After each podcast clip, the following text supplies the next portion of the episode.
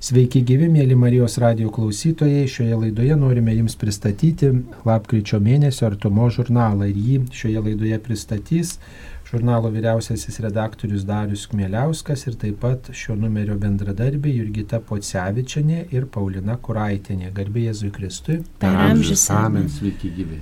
Taigi dvi moterys pasidarbavo, kad šiame žurnale būtų toksai straipsnis, kuris vadinasi Mylėti, kiek pajėgėme. Bet šitas straipsnis yra po tokia rubrika, o mes kitokie. Apie ką šis straipsnis ir kas tie kitokie žmonės. Aš gal išplėsiu dar kunigo Sauliaus klausimą ir iš vis į įvadą, kodėl mes šiandien pakvietėme ir Jurgitą, ir Pauliną, nes tai yra tokio na, ciklo, ar ne, kurį mes pradėjome jau praėjusiais metais, pavadinto, ko reikia kiekvienai mamai. Ir čia Jurgita buvo tokia, na, galim sakyti, jo motoras ir iniciatorė ir ji galėtų pasakyti, kas tas per ko reikia kiekvienai mamai, nes jis atsirado vis tiek pirmiausiai iš tokio veikimo, išgyvenimo jis nugulė į popierių, o paskui šiais metais, na, šitas ciklas buvo irgi palydėtas ypatingai Paulinos, tai jinai pratęs papasakos. Tai irgi tai gal tu pirmiausiai išduok, kas yra tas, ko reikia kiekvienai mamai. Na, visų pirma, šitas projektas yra ne vieno žmogaus, ne dviejų žmonių pastangomis, o iš tikrųjų labai labai dėkinga esu ir visos turbūt esame visam gausiam mamų būriu, kaip sakoma, tai gimė iš gyvenimo. Tai gimė iš mamų poreikio būti išklausytoms, išgirstoms, auginant vaikus, susiduriant su įvairiausiamis situacijomis ir dalinantis patirtimis, kaip tas situacijas spręsti. Ir kad aš esu ne viena. Tai prasidėjo, ko reikia kiekvienai mamai kelias. Ir tie susitikimai vyko ir vyksta gyvai grupelėse ir po to, po viso ciklo, na, buvo tokia knyga, kur reikia kiekvienai mamai to paties pavadinimo, tik iš amerikiečių kalbos versta. Ir mes pagalvojame, o kodėl mūsų tas patirtis neperkelti į žurnalą, kad galėtų ir daugiau, kas gal, paskaityti, perskaityti, susipažinti ir tiesiog dalintis plačiau. Nes žurnalas tai yra puikia terpė, kur žmonės gali ir dalintis, ir, ir skaityti. Ir praeitais metais buvo visas ciklas šių susitikimų. Gal gali papasakoti irgi trupučiuką apie tą ciklą, kas yra apie susitikimai, kas yra per temos, pavyzdžiui, ne, kaip, kaip tai yra išgyvenama, kaip, nu, ne, ne tik straipsniai, tekstai ir tema, bet kas tai per užmanimas. Na, taip, tai visų pirma, sakau, dalintis. Dalintis tuo, ką jautėjai. Tai yra mamų susitikimas, ar ne? Mamų susitikimai, mamų, kurios augina iki mokyklinio amžiaus vaikus.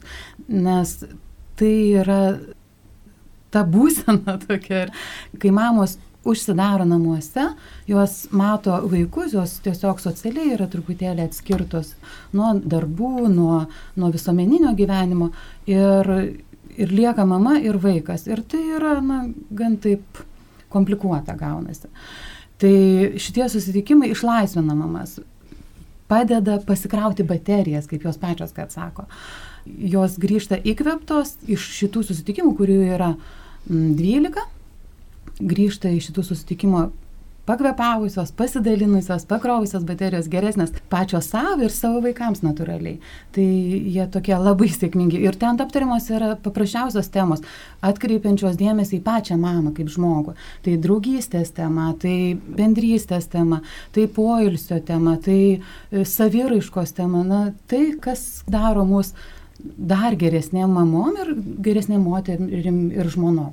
Nes kai pasakai, kad čia mamom, nu, tai atrodo iš karto dar iki mokykliniam, tai atrodo, kad čia, žinai, nu, apie vaikučius, kaip geriau juos auginti, kaip geriau prižiūrėti, mm. bet čia yra labai žavu, kad, nu, vis tik tai primenama, kad mamos pirmiausiai irgi yra žmonės ir moteris ir motinos galiausiai ir kad reikia ir joms dėmesio, ar ne? Tai, tai kaip ir viena mama dalinosi, sako, oh, čia labai gera vieta yra, kur sako, mes pažįstame vieną kitą, kaip Onutę Marytę ar ten Liną kokią. O ne kaip Jonuko mama, ten ar ten Petriuko mama. Mes pažįstame vieną kitą kaip, kaip žmogų.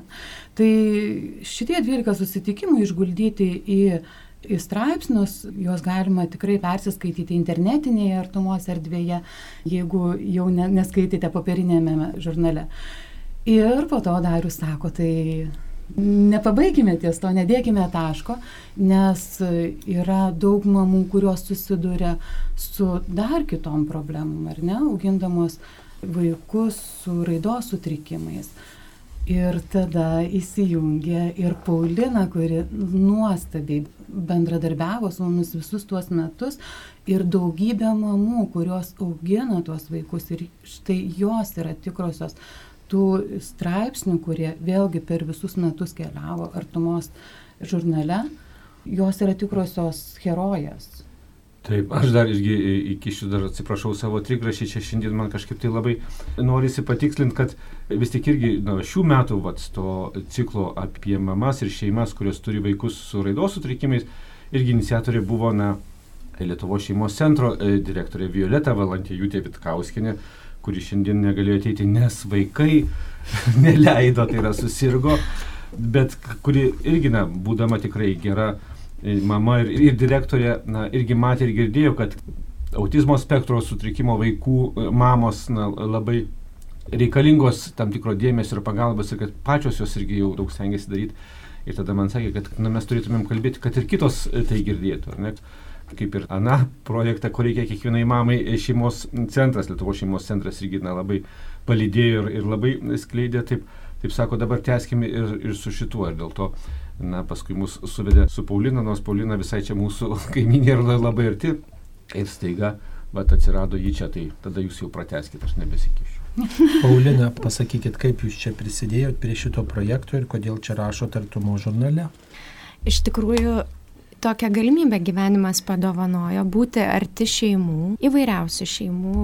Kartais aš galvoju, net nežinau, nesinori labai sureikšminti negalę, ne negalę, mes tarsi turim kelią ne, su savo vaiku, toks, koks jisai yra. Ir um, kai kartais sako žmonės, nežinau, oi, kaip tau su, oi, tokį vaiką auginti, ne, mes matome, kad yra tam tikra stigma vien iš žvilgsnio, iš kito žvilgsnio ateina, net jeigu tai yra kažkoksai keistas gailestis, ar ne, negailestingumas, o kažkoks gailestis, kažkoks labai keista tokia būsena ir bendraujant su tom šeimom ir nuolat iš tikrųjų girdint jų poreikį, jis visiškai nesiskiria nuo kiekvieno iš mūsų poreikio. Būti matomu, būti išgirstu, jausti, kad mano byla rūpi, kad kažkas domisi, kažkas girdi mano skausmą, tik tiek. Ir mes visi turim savo skausmą, ar ne? Nebūtinai šeimos, kurios augina autistiškus vaikus ar su raidos sutrikimais, kažko jos, nežinau, labai labai ypatingos, jos irgi yra šeimos, jos išgyvena labai daug džiaugsmų, išgyvena irgi daug iššūkių ne, ir bando ieškoti savęs kaip žmogaus šitam keliui, kaip ir kiekvienas iš mūsų. Tai tik tai galvoju, kodėl galėjo tai būti gana įdomus projektas ir tikiu, kad tie, kas perskaitė straipsnius, atrado kažkokį kitokį požiūrio tašką, kuris galėjo praturtinti, nes kartais mes gyvendami šalia nežinome, kas vyksta už, už durų, ne, už būto sienų ir dėl to, kad patys neiname per tokį gyvenimą, nežinome, kad būna ir taip, ir kad ir taip yra vertinga, ir kad ir taip yra sunku, kad taip yra gražu. Net tai tikiu, kad tai labai skirtinga patirtis auginant kitokius vaikus, visi vaikai kitokie, bet E, auginant autistiškus vaikus, raidos iššūkių turinčius vaikus, ta patirtis, jos pasidalinimas, jie lygiai taip pat mus gali praturtinti, suvokiant, kad, oho, kokia dar širdis turi būti, kad primti ir tą situaciją, ir tą situaciją, pabandyti ją žengti ir tada tikiu, kad tokioje būsenoje tampa daug lengviau susitikti kitą žmogų jį ištikus situacijoje, kai sakai labas. Žinai, kas man buvo labai nuostabus su tuo projektu ir, nu, ir, ir tavęs besiklausant, ir ne tik čia, ar ne, ir skaitant, kad na, vis tik atrodo mes atsispyrėm čia į patirtis gana konkrečių šeimų ir, ir mamų atsturinčius ypatingus vaikus su, su, su sutrikimais, bet tai, ką tu kalbi ir, atpažįsti per na, vat, tai, ką, kokią žinią, nežinau, ar, ko mus moko, ne tie sutrikimai, tie iššūkiai, yra visiškai ne kažkokie tai kažkieno kitų, ne, tai yra mūsų visų. Ir šeimos, kurios augina, nu, kabutėse, normalius vaikus ar, ar sveikus, nors tie vaikai irgi serga, kaip ir mes sergam irgi pačiais laikais, bet jų išgyvenimai, jų patirtis yra mūsų visų ir galbūt net tų nu, va, žmonių ar, ar vaikų su kokiais ypatumais, ar su negali, ar su kuo e, tas ypatingesnis koks nors bruožas, ar ne, jis kaip tik padeda mums pažinti tą, kas yra mumise paslėpta, ar ne? Ir aš labai pavydėjau ir, ir savo žmonai, kuris sudalyvavo net ir tavo ten kokiam tai seminare, nors mes, nu, atseit mūsų visi vaikai ten tie sveiki ir be tų raidos sutrikimų, bet jį grįžus pasakojo taip nuostabiai, kad aš irgi sakiau, kada bus kitas Paulino seminaras, noriu užsirašyti, nes tai tikrai padeda suprasti mums mūsų kasdienybę, save pačius ir, ir savo vaikus.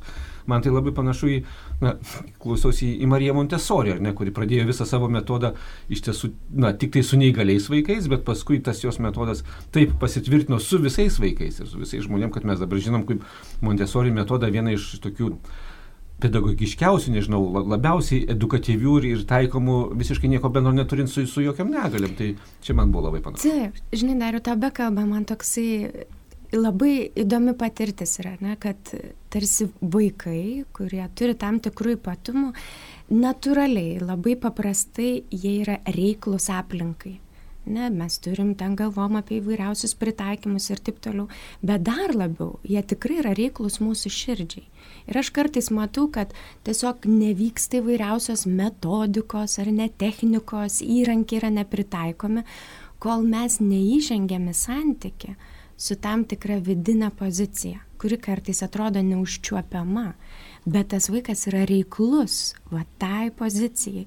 Ir tada jisai tarsi sako, gerai, va taip, va, dabar jau susitikim, ar ne? Tai aš dėl to taip džiaugiuosi, nežinau, aišku, traukusis sugdymas čia artėja, ar ne, daugybė, daugybė diskusijų viešojoje erdvėje, mes vis geriau girdim, vis labiau girdim šeimas, kurios susiduria su įvairiausiais iššūkiais susijusiais su vaikų auginimu, ypatingų vaikų auginimu.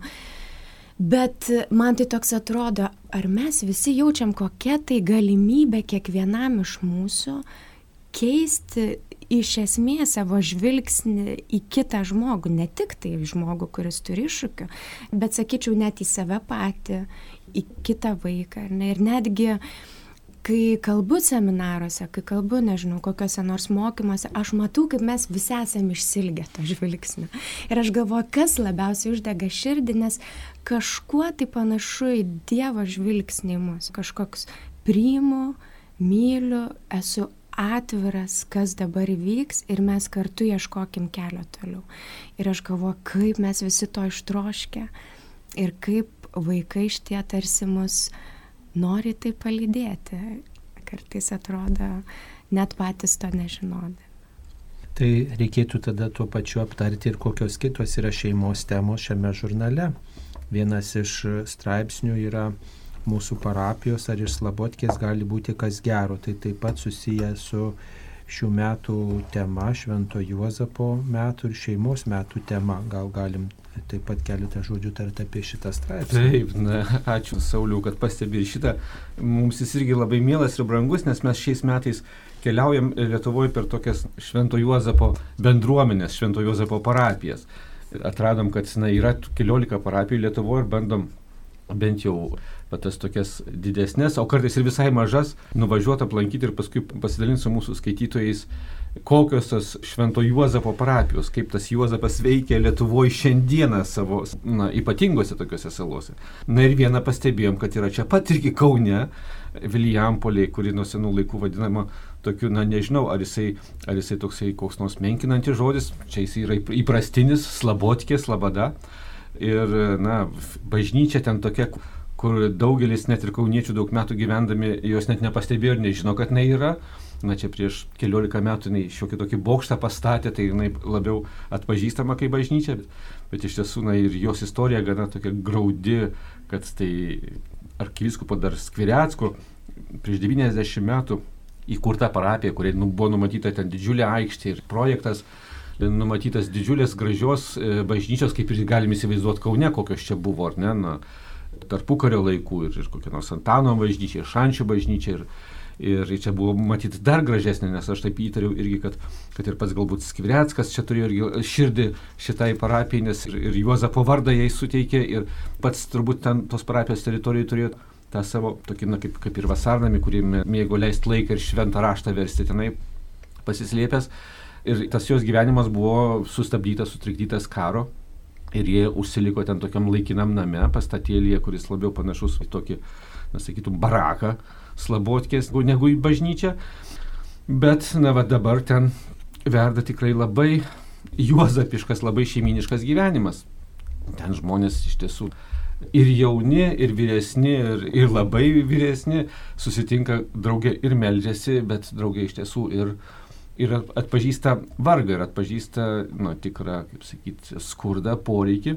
Ir kas dar įdomiausia, kad jie patys organizuojasi tą pagalbą, ne, kad ten na, neveža kokios tai labai didžiulės labdaros iš kažkur tai kitur, bet patys parapiečiai atneša, ko kitiems reikia, o kiti sugeba, na, va, vėlgi, aišku, gal čia negalima nepaminėti ir, ir klebono, kuris kaip tikrai geras ganytojas, nors ir būdamas jaunas ir godėsi, kad nelabai išmoko klebonauti seminarijai, po kurios, nežinau, gal po pusės metų jis atėjo čia į klebonus buvo paskirtas, bet, na, va, gyvenimas jau išmokė, kad galima būti su bendruomenė labai daug dalykų padaryti. Tai tikrai nu, man buvo labai nuostabu atrasti, nors irgi būnant senam kauniečiui, tą parapiją iš vidaus, galima sakyti kaip ten žmonės, na, bet ir, ir tokie dar jauni ir apjauni žmonės, kurie sugrįžta į tą parapiją, ten vaikystėje būdavę krikštyti ir pirmą komuniją prieėmė, bet, bet paskui išėjo ir kaip dažnai sako, nu, va, pavyzdžiui, Kaune kokia nors čia katedra, tokia motina bažnyčia, didelė gražinai priėmė ir priima visada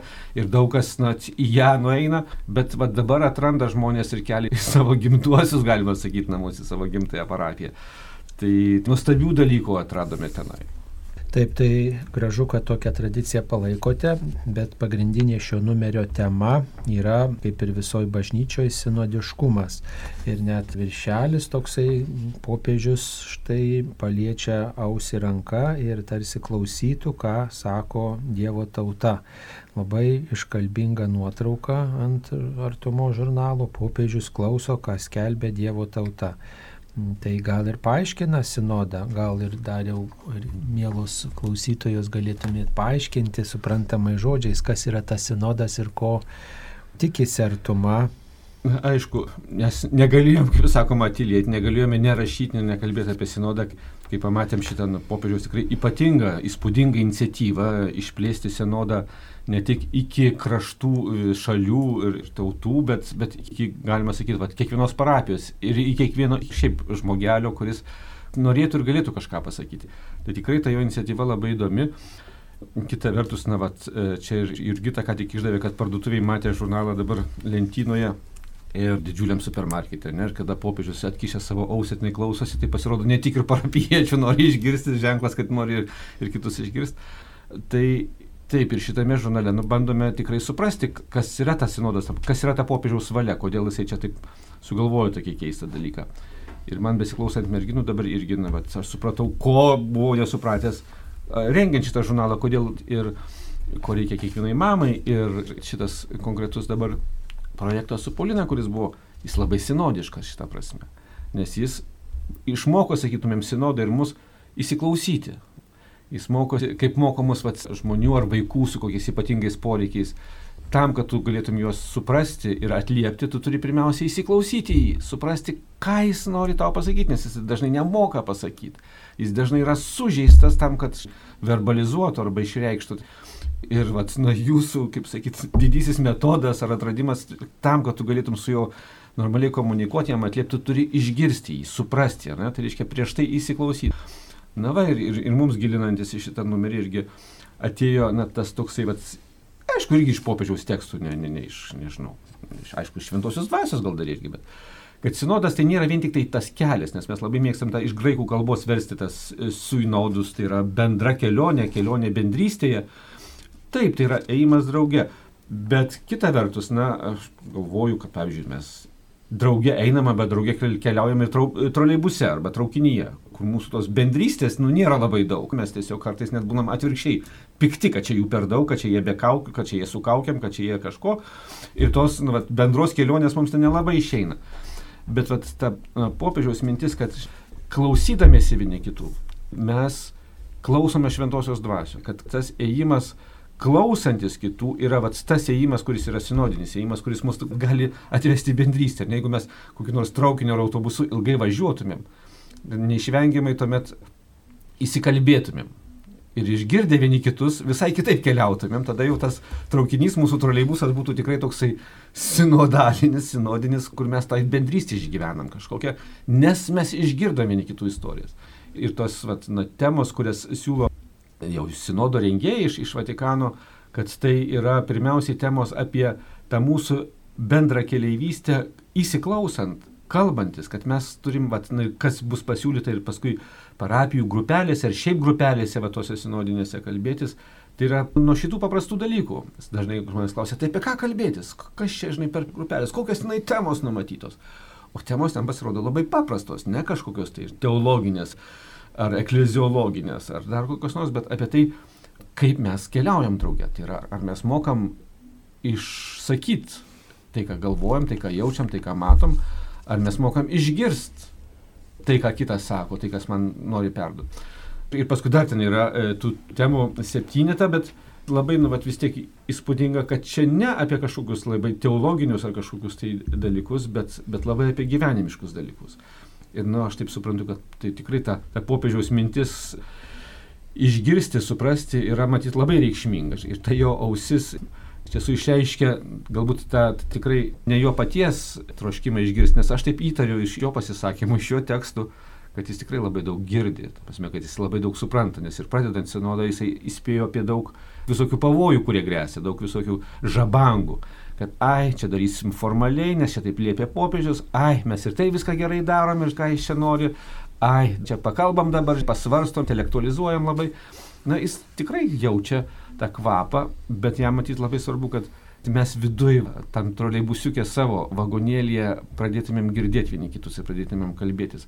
Ir čia mano supratimu yra jo turbūt nu, tokia labai revoliucinga mintis. Ir, ir jeigu tai įvyktų, turbūt įvyktų, nežinau, tokios revoliucijos kaip įvyksta šeimose, kai mes išgirstam vieni kitus, kai mes išgirstam savo vaikus. Tai Bet tai išgirdime, tam įsiklausime, labai labai svarbu yra iš anksto nežinoti, ką kitas pasakys ir ten nenuteisti iš karto. Pačia yra teisinga, čia yra neteisinga ta nuomonė ir įsiklausyti visokią nuomonę. Tai labai kviečia ir tuos, kurie yra toli nuo atrodo bažnyčios, išgirsti juos, o kodėl jie yra toli. Ir, na, ta žinia gali būti labai svarbi. O kalbant apie keliavimą drauge, iš karto kažkaip prisiminiau, sakyčiau, irgi tokia įžanga į sinodiškumą buvo popiežiaus programa keliauti drauge, kur kviečia šeimas kalbėtis tarpusavėje ir aptarti tokias temas, kur paprastai prie pietų stalo nekalbėdavo iki tol. Tarkim, na, kada aš jaučiuosi mylima arba mylimas. Ir tokių stebuklingų dalykų išgirsti, kai pasikalbė, atrodo paprastom temom. Tai va tas susikalbėjimas prasideda turbūt nuo tų mažų grupelių, nuo pačios šeimos ir po to jau tiesiai tam popiežiui Pranciškui įjausti. Kaip Paulina sekasi jums susikalbėti ir išgirsti kitus žmonės bažnyčioje, bendruomenėse, šeimoje? Aš galvoju, popiežius tikrai labai dosniai, sakyčiau, kviečia mus visus į savo girdėjimą. Ir iš tikrųjų girdėti nėra lengva. Labai, man atrodo, Jurgita teisingai pastebė, ar ne, kad mes ateinam dažnai su žinojimu, kuris mums trukdo susitikti. Ir aš tai tą sinodą matau kaip, o kas mums padėtų nebijoti susitikti. Iš tikrųjų, esam stiprus tada, kai galim būti silpni. Ir mes tarsi nujaučiam, ką girdi popiežius, mes tarsi nujaučiam, ko akistatoje turim atsistoti. Ir aš taip galvoju, o kas mums padės būti saugiais, kad mes turėtume jėgų nebijoti girdėti, kad turėtume jėgų nenorėti paneigti, ką kitas sako, nes jisai sako tą, ką sako ir kas man padės girdėti. Tai aš kažkaip vat, viso šito sinodo kontekste galvoju, nu ką aš galiu, beldžiuosi, kad mes jaustume saugus, kad suvoktume, kad tai yra tik tai tam, kad bažnyčia taptų stipri, tik tada, kai galim, kai mokam girdėti, mokam būti silpni, galim. Tai kaip tu ir sakai, ne, nu, vat, ir ne, bažnyčia irgi tuomet bus stipri, kai jinai pripažins savo silpnumus. Ir panašu, kad nu, vat, ir, ir popiežius, ir šitą visuotinės bažnyčios mintis ir kviečia į tai, kad užtenka galbūt matyti ar girdėti ar prisistatyti kaip tokiai triumfuojančiai bažnyčiai, galingai, stipriai. Visos patirtis ir 20 amžiaus ir 21 amžiaus rodo, kad mes turim pakankamai silpnumų ir kad tie silpnumai gali būti labai atraminiai, ne, kad kai mes juos pripažįstam, atsirėmėm į juos, mes, vat, nu, kaip tu sakai, tampam saugus, tampam tame nebepažeidžiami, ar ne, kad mes pripažįstam, taip, mes turim bėdų, mes turim silpnumų, mes Taip, turim jau vietų, kurias reikia gydyti, bet mes žiūrim tiesai į akis ir mes tuomet galim atsiremti stipriai. Ir būtent į tai turbūt visas šitas procesas, tas sinodinis kelias yra sukamas, kad kaip mes galim pasijusti ir saugus, net, vad sakytumėm, ne, ne tik, net, nežinau, Vatikane ar ne, kur, kur dabar jau yra tokia politinė valia, kad, kad galim kalbėtis, bet kad saugus pasijustumėm ten, kur esame, tai yra ta savo bendruomeniai, savo parapijoje, savo aplinkoje, galėtumėm išdrįst kalbėtis, tarsi išgirsti kitus ir, ir tuomet nepult daryti išvadų, bet pirmiausiai atpažint, kad galbūt kitos žaizdos ar mano žaizdos yra ne iš blogumo, ne iš piktumo, ne iš, iš ankstinio kokio tai, žinai, noriu pakengti, bet tai irgi dažnai būna na, žaizda, atsakas į kitą žaizdą kažkokią. Tai ir tuomet jas įsivardinę mes galim galbūt ieškoti gydimo būdo ir, kaip mes jas galim keliaudami draugė kartuot. Na, visą tai irgi žurnale matau susidomėjęs ir kunigas Saulis skaito, yra na, trumpas, sąlyginai trumpas tekstas, tai yra, ką popiežius pats Pranciškus savo Romos viskupiečiams sakė ap- apie sinodą, ko jisai tikėsi. Nes jo irgi dažnai žmonės klausia, kadangi jis jau čia paskelbė gana senai, kad šitas sinodas bus ypatingas toksai. Tai kas čia bus, kas čia bus. Ir jis tada čia vieną rudens dieną, berots rugsėjį, pasikvietė savo viskupijos žmonės, tai yra Romos parapiečius ir sako, nu aš turiu kaip tėvas jums pasakyti vis tik tai, ko aš čia noriu. Ir jisai paaiškino, vat pats ir padarė tą pranešimą, kurį mes čia išvertėm ir, ir pristatom, nes irgi dažnai dabar Lietuvoje girdim, kad ai čia paskelbė Vatikanas tokius didelius dokumentus, vademėkumas ten keliasdešimt, šešiasdešimt ar septyniasdešimt puslapių, ten parengiamasis sinodo dokumentas, ten keliolika puslapių, ai čia ne mums sudėtinga. Tai čia jums prašoma, tai yra keturi, keturi su pusė puslapiuko paties popiežiaus teksto apie tai, ko jis tikisi, kaip jisai supranta šitą mūsų sinodišką kelią, jisai paaiškina, kas tai yra. O kad būtų dar mums artimiau, tai mes nutarėm pakalbinti ir mūsų nuncijų, kuris čia jau Lietuvoje, galim sakyti, pusiaukelėje irgi jau, jau trečius metus savo kadencijos pradėjo ir, ir, ir žatumo irgi beveik tokią tradiciją turim, kad vis pakalbinam nuncijų, kai jis jau būna čia, kaip sakoma, apšilęs kojas, pažinę situaciją ir kaip jisai mato mūsų vietinę bažnyčią čia visuotinės bažnyčios kontekste. Tai dabar turim tokį, galim sakyti, išskirtinį interviu pokalbį su nuncijum, kurį irgi tai pradedam, aišku, apie sinodą, kaip jisai matytų ir, ir ką jisai mums atsako apie kokias nors kliūtis ir pavojus, kokius ga- galim numatyti. Tai irgi, mano galva, labai vertas dėmesio tekstas. O kas tame interviu yra nauja, kažkaip naujai suskambėjo nuncijaus lūpose, kai teko jį kalbinti, galbūt pasakė ir žinomus dalykus apie sinodą, ką ir popiežius yra kalbėjęs, tačiau gal kažkokia mintis ir naujai suskambėjo. Tiesą sakant, nuncijus vis tiek, čia yra tarnystė ir jo tarnystė yra, yra būtina ir, šventojo sosto ir popiežiaus ats- atstovų, tai jisai tikrai padeda mums suprasti labiausiai popiežiaus e, pačius e, žodžius ir, ir tekstus, ką jisai nori. Tai kažkokiu tai nu, nėra jo autorinių, labai originalių kūrybinių projektų. Tai turbūt na, mums buvo labai svarbu, kad jis galėtų galbūt žinodamas irgi lietuvišką situaciją, matydamas ir mūsų katalikų čia gyvenimą, mums tiesiog irgi padėtų priartinti tą situaciją. Tai kažkokio tai vieno dalyko neišskirčiau, bet man atrodo vis tiek labai verta įsiklausyti, nes tai irgi yra tam tikra popiežiaus mintis, kuri čia mums, kaip sakyt, išverčiama į lie- į lietuvių kalbą Lietuvoje.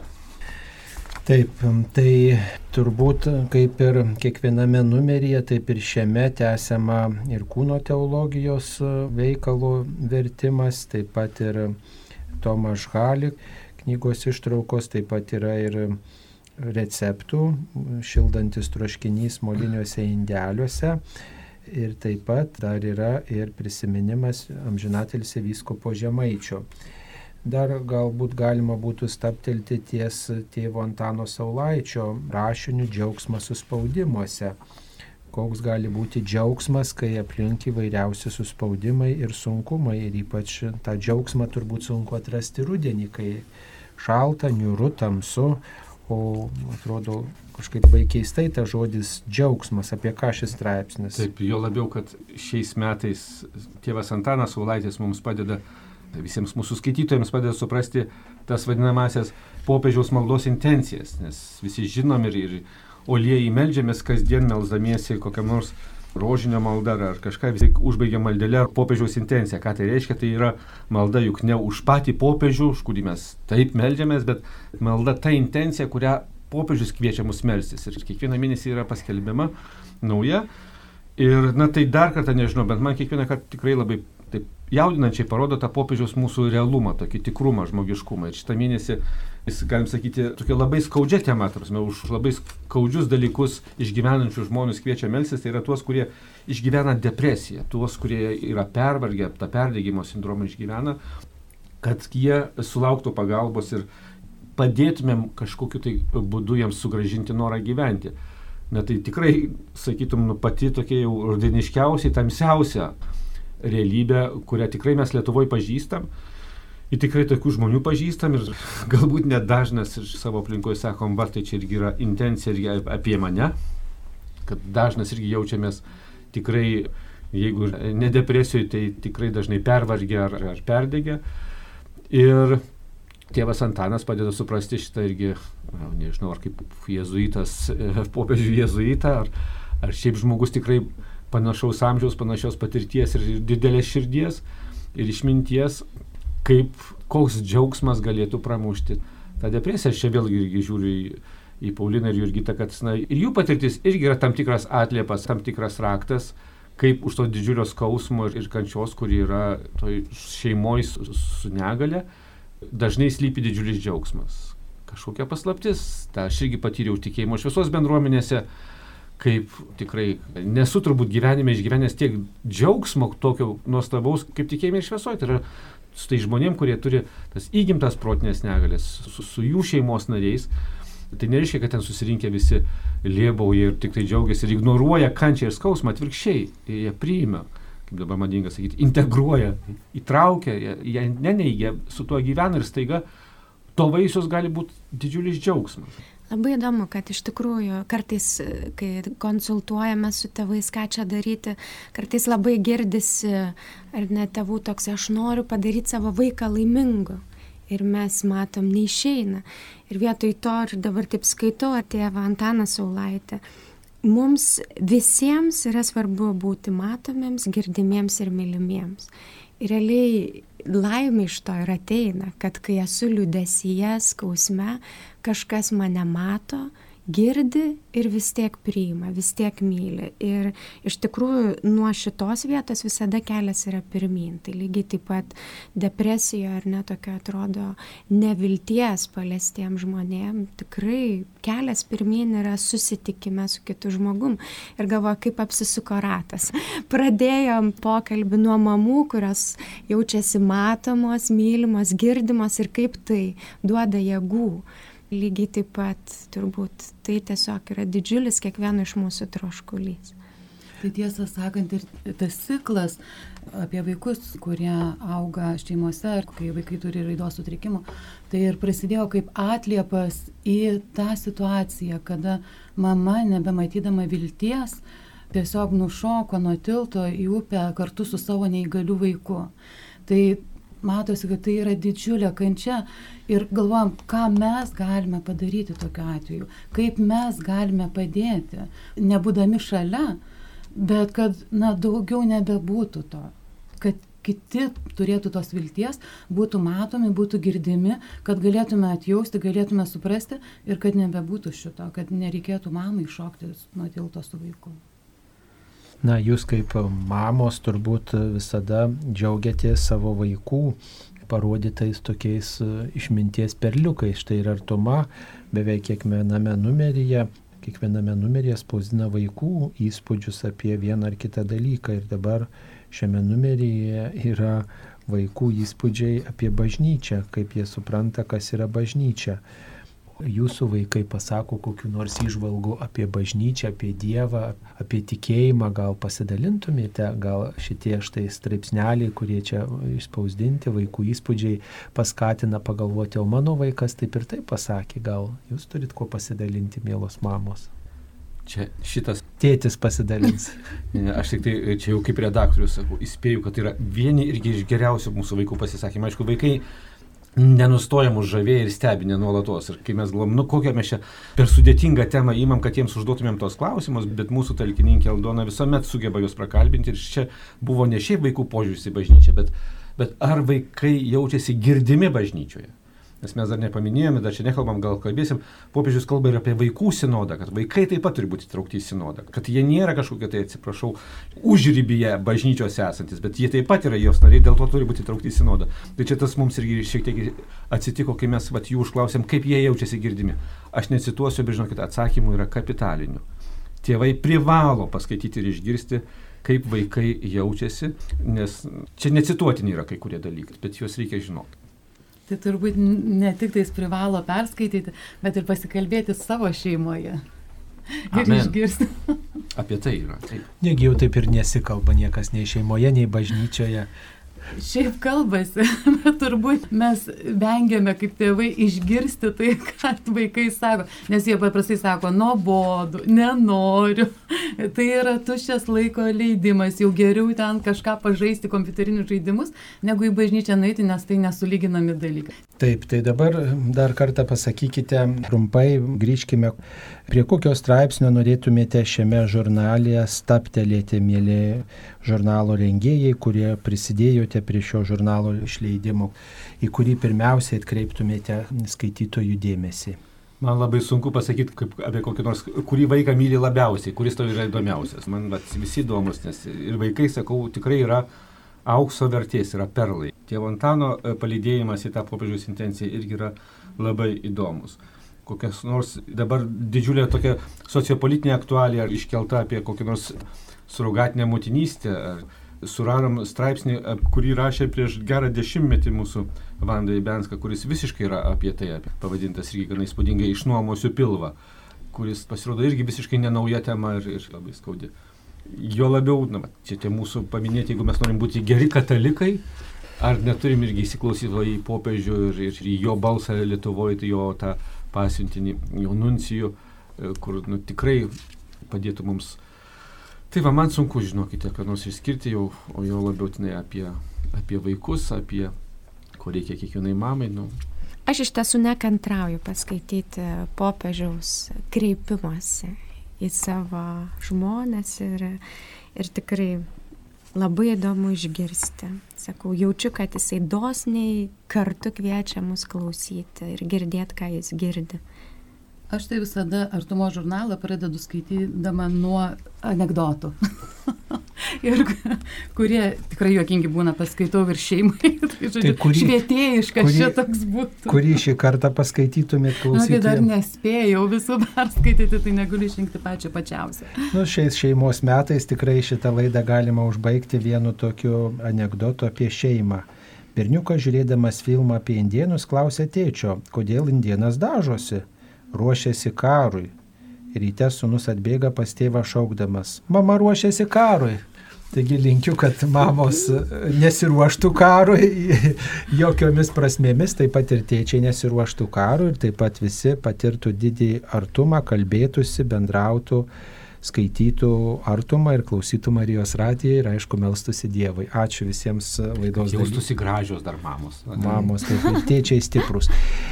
Mėly Marijos radio klausytojai, šioje laidoje Artumo žurnalą pristatė vyriausiasis redaktorius Darius Kmieliauskas, taip pat numerio bendradarbės ir taip pat projekto, ko reikia kiekvienai mamai dalyvės, Jurgita Pocevičianė, Paulina Kuraitinė, laidoje buvo ir aš, kunigas Saulis Bužauskas. Visiems viešpaties palaimos ir Dievo artumos. Ačiū sudė. Sudie. Sudie.